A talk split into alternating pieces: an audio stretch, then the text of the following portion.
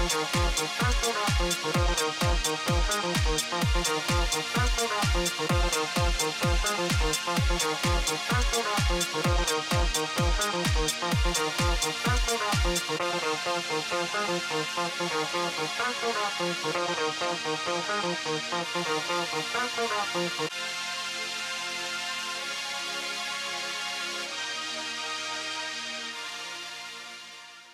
Hej du och välkommen till det här extra avsnittet utav Danspodden Isadora med mig Anita MTN, dansjournalist.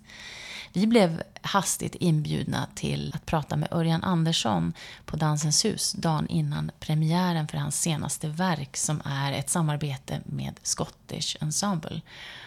Vi fick sitta ner en kort stund med en stressad koreograf som ändå bjöd på sitt bästa. Enjoy, säger jag.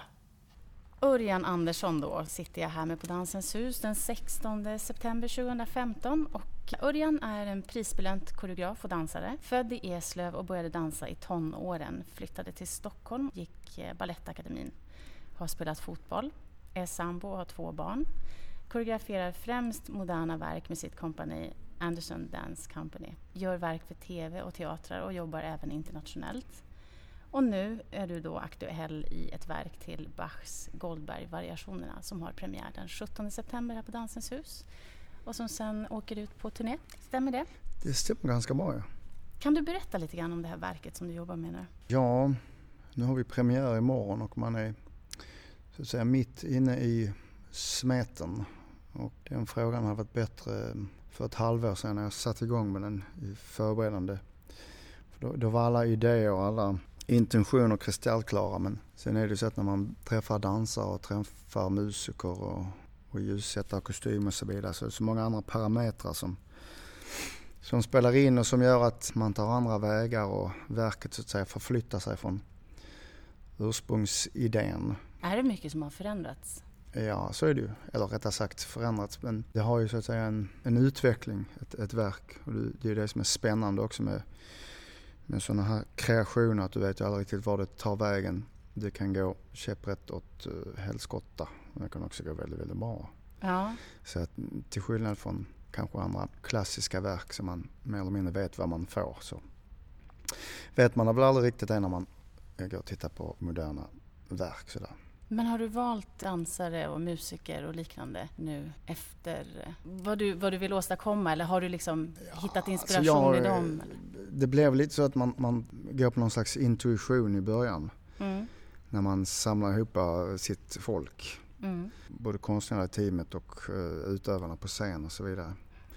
Redan där så vet man inte riktigt var man hamnar någonstans men i det här fallet så känns det som att vi har hamnat väldigt rätt. Hur har själva processen sett ut då? Från för ett halvår sedan till ja, idag? jag började för eh, strax innan jul med, med tre dansare och hade prat och diskussioner om de här Goldberg-versionerna och om det var någonting att gräva djupare i och så vidare. Det tyckte vi väl då så vi gjorde ju lite material och höll väl på ett par, två, tre veckor med det. Mm. Då tyckte jag att det var ganska intressant det vi hade gjort. Och sen vilade jag lite och gjorde lite andra grejer och tittade på det igen efter en månad och då såg jag att, att det inte alls var intressant och ganska mediokert. Så då slängde jag alltihopa. Men ehm, då fick jag i alla fall ett svar på vilken väg jag inte skulle gå. Ja, just det. Så är det vanligt att, att du eh, jobbar så? Ja, så är det. Jag försöker ju dela upp eh, mina processer i, i, etapper så att säga. Så att eh, ögat får vila och mm. man kanske gör andra saker emellan och så. Sen så mm. kan man titta på, på det här materialet igen med, med nya ögon. Det är ganska komplicerat att jobba från dag ett fram till premiär i ett sjok mm. och få till det. Eh, I alla fall för mig. Det är kanske andra koreografer som är bättre på det men inte jag. Nej, men vi har ju alla olika sätt att jobba på mm. och det här är ditt sätt. Men det tar ungefär ett halvår för dig att skapa? Ja, nej, det kan man inte säga så generellt. Det kan man kan göra saker på väldigt, väldigt kort tid som mm. kan fungera. Och ibland är det väldigt, väldigt lång tid och då fungerar det inte ändå eller så fungerar det bra. Så det, det, finns ingen, finns ingen regel i det här yrket, tyvärr. Då hade jag anammat den direkt. Jaså, du gillar att följa regler? Ja, man vill ju gärna att saker och ting ska kommunicera och att man ska vara nöjd själv och så vidare. Så det är klart att gör väl alla, alla konstnärer försöker väl i sitt inre hitta någon slags sätt att gå tillväga och så. Men vad skulle du säga är typiskt för dig och dina verk? Oh, det där är en sån svår fråga. Jag, Bara så här det första du tänker på, alltså vem? Nej, men jag är ju beskriven på olika sätt i media. Mm. Så där, att jag är fysisk och det, musikalisk och sådär. Så att jag antar att, att jag är väl det på något sätt. Men jag kan inte säga att när jag sitter och tittar på mina verk att jag ser att de är att jag, att jag tänker på det i första hand sådär. Men Nej. jag är ju intresserad av musik och jag är intresserad av mm. att bryta ner musiken och, och förstå musiken. Mm. Om det är kontemporär eh, elektronisk samtid eller det är som i det här fallet Bachs eh, Goldberg-versioner så, så är jag ju intresserad av att titta på på struktur och så vidare och se hur det kan översättas till rörelse eller möta rörelse kanske man ska säga. Vad, vad vill du med dina verk då? Kanske med det här verket just? Ja, men det här verket, det är ju lite det är lite kittlande att ta tag i sådana här verk som är så sönderspelade och så mm. tabu kanske i vissa kretsar. Jag kan, jag kan tycka att det finns ju något fantastiskt med de här, den här eh, formen med tema och variationer och, och så vidare som är speciellt och som är ganska sådär kategorisk. En aria och 30 variationer på det. Och som inte egentligen betyder speciellt mycket mer än att, men att den varierar, eh, arian och så. Mm. Så i den här strikta matematiska strukturen med trefaldiga mönster som går igen och så vidare. Det finns ju hyllmeter av, av böcker skrivna om Goldberg-versionerna. Så mm så är det ju spännande att läsa in sig på, på all den här texten och samtidigt så säger den ju absolut ingenting. För det är väldigt svårt att förklara musiken med, med ord och så. Ja. Utan, eh, men med musik, rörelse kanske det funkar? Ja, det är väl lättare kanske tycker jag. Alltså, musik mm. och rörelse ligger ju för mig i alla fall närmare. För rörelsen är, är, är, är ju musik så att säga. Mm. Vare sig det, det är musik till rörelsen eller den, den jobbar tyst. Så. Mm. Men med det här med strukturen och så vidare. Att ändå, mm. När man tittar på den och analyserar den och, och, och tolkar och översätter den eller möter den med någonting annat så, så är det ändå eh, lyssnandet i sig som, eh, som förändras när, mm. när du ser rörelsen till. Och som öppnar upp en annan, en annan värld som man inte kan sätta fingret på. Och det är lite spännande det. Mm. Men jag tyckte det var intressant att se att eh, du dansade i den här trailern då som, man, som vi kommer att lägga på sidan. Då tänker jag så här, ja, men när vi har pratat tidigare så, så har du sagt att ja, jag är koreograf mer än dansare. Du har ju dansat tidigare såklart. Det är roligt att se att du dansar i trailern och då undrar jag, hur mycket dansar du idag? Vad menar du med dansa? Nej, jag vet inte. Jag tänker att du rör väl på dig som... Jo, det... Ja, men det finns ju koreografer som faktiskt inte gör det. Det kan man diskutera. Var, var, var går gränsen mellan dans och, och, och, och rörelse och inte och så vidare. Ja. Men eh, i mitt fall så rör jag ju på mig varje dag. Jag är intresserad av att forska i, i rörelsen. Mm. Så det är klart att jag är dansare men jag är inte dansare i den betydelsen att jag gör föreställningar där jag står på scen och eh, så utan eh, inte än i alla fall. Det kommer kanske sen när jag har mm blir sugen på det. Men eh, vi dansar tillsammans i studion. Jag och, dansarna eller jag och musikerna eller skådespelarna eller vad, vilket folk jag nu jobbar med så, mm. så dansar vi. När tycker du att en koreografi blir klar då? Är det när den möter publiken eller tar den ny fart? Mm, nej, det vet jag inte om den är klar när den möter publiken. Det är väl bara en, en dag som man, som man visar var man är i den processen så att säga. Ja. Man brukar ju när jag sätter upp verk igen så är det svårt för att hålla fingrarna borta och jag gör oftast om vissa delar. Eller. Men det är väl ett, det är väl ett, eh, ett stadium som, som, är, som är viktigt där när, när den möter publiken och den ser hur den kommunicerar med publiken och så vidare. Mm. Ett annat är när man förflyttar en föreställning från eh, studion till, eh, till scenen och, mm. och, och, så. Ett, ett tredje är när man möter dansare eller musiker eller vad det är. Mm. Så det finns många olika punkter i en, i en process som är sådär mm. stora. Mm. Men om man har sett dig tidigare då, säg för 10, 15, 20 år sedan och så ser man dig ikväll blir det ju faktiskt. Hur har du utvecklats under åren?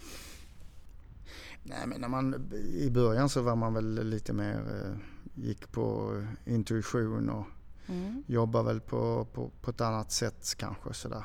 Nu har man ju på med det här så mycket och så länge och sett så mycket. Och, så nu har man ju en betydligt större ryggsäck och mm. erfarenhet och, och kunna gräva ur. Och det är ju naturligtvis positivt för du har ju en massa knep och knåp hur du kan lösa situationer eller bilder som inte fungerar och så vidare. Mm. Samtidigt så är ju det negativa att du blir ju mer och mer självkritisk till dina, till dina verk så att säga. Så att, um, det är väl på gott och ont det där. Mm. Men det är alltid det, det är lika intressant idag att, att hålla på som det var i början av 90-talet när jag satte igång. Mm. Det är inte så att du blir, har blivit blasé eller tycker att så här, åh hjälp. Jo, men det är klart ibland är, man ju, är det ju väldigt jobbigt att mm. blasé. Och, men, men det, alltså det här, jag vet inte, det är som alla konstnärskap, att det, det pendlar väl mellan de här euforiska tillfällena. Mm. Där, man, när man hittar rätt eller där det känns rätt och det här. Och det här där det känns fullkomligt hemskt. Mm. Men vet du ungefär när du får dem eller så? Nej, det vet jag inte. Då hade jag ju kunnat planera, jag kunde planerat min tillvaro betydligt bättre. Men det är ju de här topparna och dalarna som gör på något sätt att man är väldigt eh, här och nu och väldigt i. Mm. Alltså det är som all skapelse, att det är väl då man är, man är påslagen så att säga. Och när man inte gör det så, så är ju livet någonting helt annat. Mm. Så. Ja. Och det kan vara ett, eh, ja, det kan vara skönt att gå ur det men det kan också vara jobbigt. Så. Ja. Så vad händer med det här verket nu då som, eh, som spelas? Ja, nu ska vi ha två premiärer här på Dansens hus i Stockholm och vi ska ha två föreställningar nu på torsdag och fredag, 17 och 18. Och sen åker vi ner i helgen till eh, Konserthuset i Växjö. Så ska vi ha en föreställning där. Mm. Sen har vi en liten paus på någon vecka och sen åker vi till eh, England, Skottland. Och så har vi en längre turné där i två, tre veckor tror jag. Så det ska bli spännande. Eh, sen så har vi en paus igen och sen så ska vi ha en större turné här i Sverige. Mm. Vi ska turnera runt i, i större delen av Sverige. Just det. det. Jag vet att vi pratade om innan men som jag bara skulle vilja fråga dig nu. Snabbt. Vad är eh, de här The Scottish Ensemble som är med? Vilka är de? Ja, det är en grupp som är baserad i um, Glasgow. Mm. Det är en grupp som jobbar uh, vitt och brett i de olika musikaliska genrer. Mm. Och det är en grupp som är leds av Jonathan Morton och som är eh, ja, de är helt fantastiska och de har, en, de har en energi och en ambition att försöka ge sig ut i nya, nya fält som är helt uh, beundransvärd. Mm -hmm. På vilket sätt? Ja, de vill ju som i den här föreställningen, eh, de är ju 11 till antalet. Och de vi har ju börjat det här samarbetet för att de vill ju bli så att säga vara med i den koreografiska processen och vill medverka fysiskt i uh, föreställningen. Parallellt med att de spelar uh, Goldberg-versionerna. Så det är liksom inte helt, helt lätt Nej. alla gånger att dansa och ändå spela de här variationerna. Men uh, de är otroligt vackra på scen. Jobbar fantastiskt bra. Så det har varit uh, underbart att jobba med dem. Mm. Härligt. Mm. Och det var jättetrevligt att prata med dig. Tack. Vi hörs igen. Ja, det gör vi. Tack. Tack. Och det där var Örjan Andersson på Dansens hus den 16 september. Ni har lyssnat på Danspodden Isadora med mig, Anita MTN. Och eh, vi som gör den är Niklas Reimertz och så jag då. Ni kan följa oss på Instagram då heter vi Isadora-podden med ett D. Vi finns på Facebook och Twitter. Och glöm inte att prenumerera på iTunes eller gå in på Acast om du vill lyssna på oss. Vi hörs igen ganska snart.